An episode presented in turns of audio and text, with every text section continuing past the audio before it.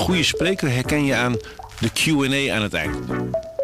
Onze lifehack-expert Martijn Aslander geeft je adviezen waar je echt wat aan hebt. Beluister en bekijk Martijn of een van onze andere experts op businesswise.nl. Businesswise, het nieuwe platform voor iedereen met ambitie.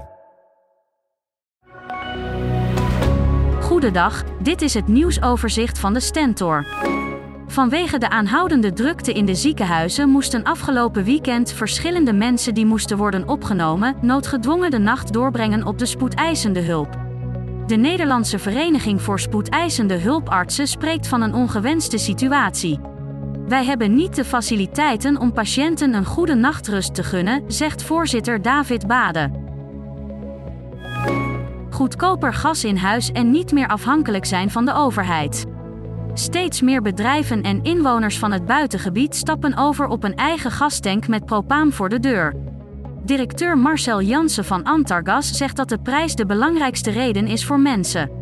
Volgens hem zijn de gastanks niet aan te slepen en is de vraag zeker verdubbeld. Al bijna drie kwart eeuw verhuren Gerbert en Vaida het zomerhuisje bij hun woning aan vakantiegangers. Van de gemeente Epe moeten zij daar nu abrupt mee stoppen. Gerbert en Vaida snappen er niets van en pikken het niet. Ook de rechter plaatst veel vraagtekens bij het verbod. Wat moeten deze mensen dan nog meer doen om aan te tonen dat het legaal is? De voormalige vluchtelingenopvang in Apeldoorn wordt ondanks grote gebreken mogelijk toch weer in gebruik genomen. De accommodatie bood tot kort voor de jaarwisseling onderdak aan 400 asielzoekers, maar vereiste volgens de gemeente te grote investeringen om aan te houden. Dat gebeurt nu mogelijk alsnog, namelijk voor oorlogsvluchtelingen uit Oekraïne. Het Russische ministerie van Defensie beweerde gisteren 600 Oekraïense soldaten te hebben gedood met een raketaanval bij Kramatorsk.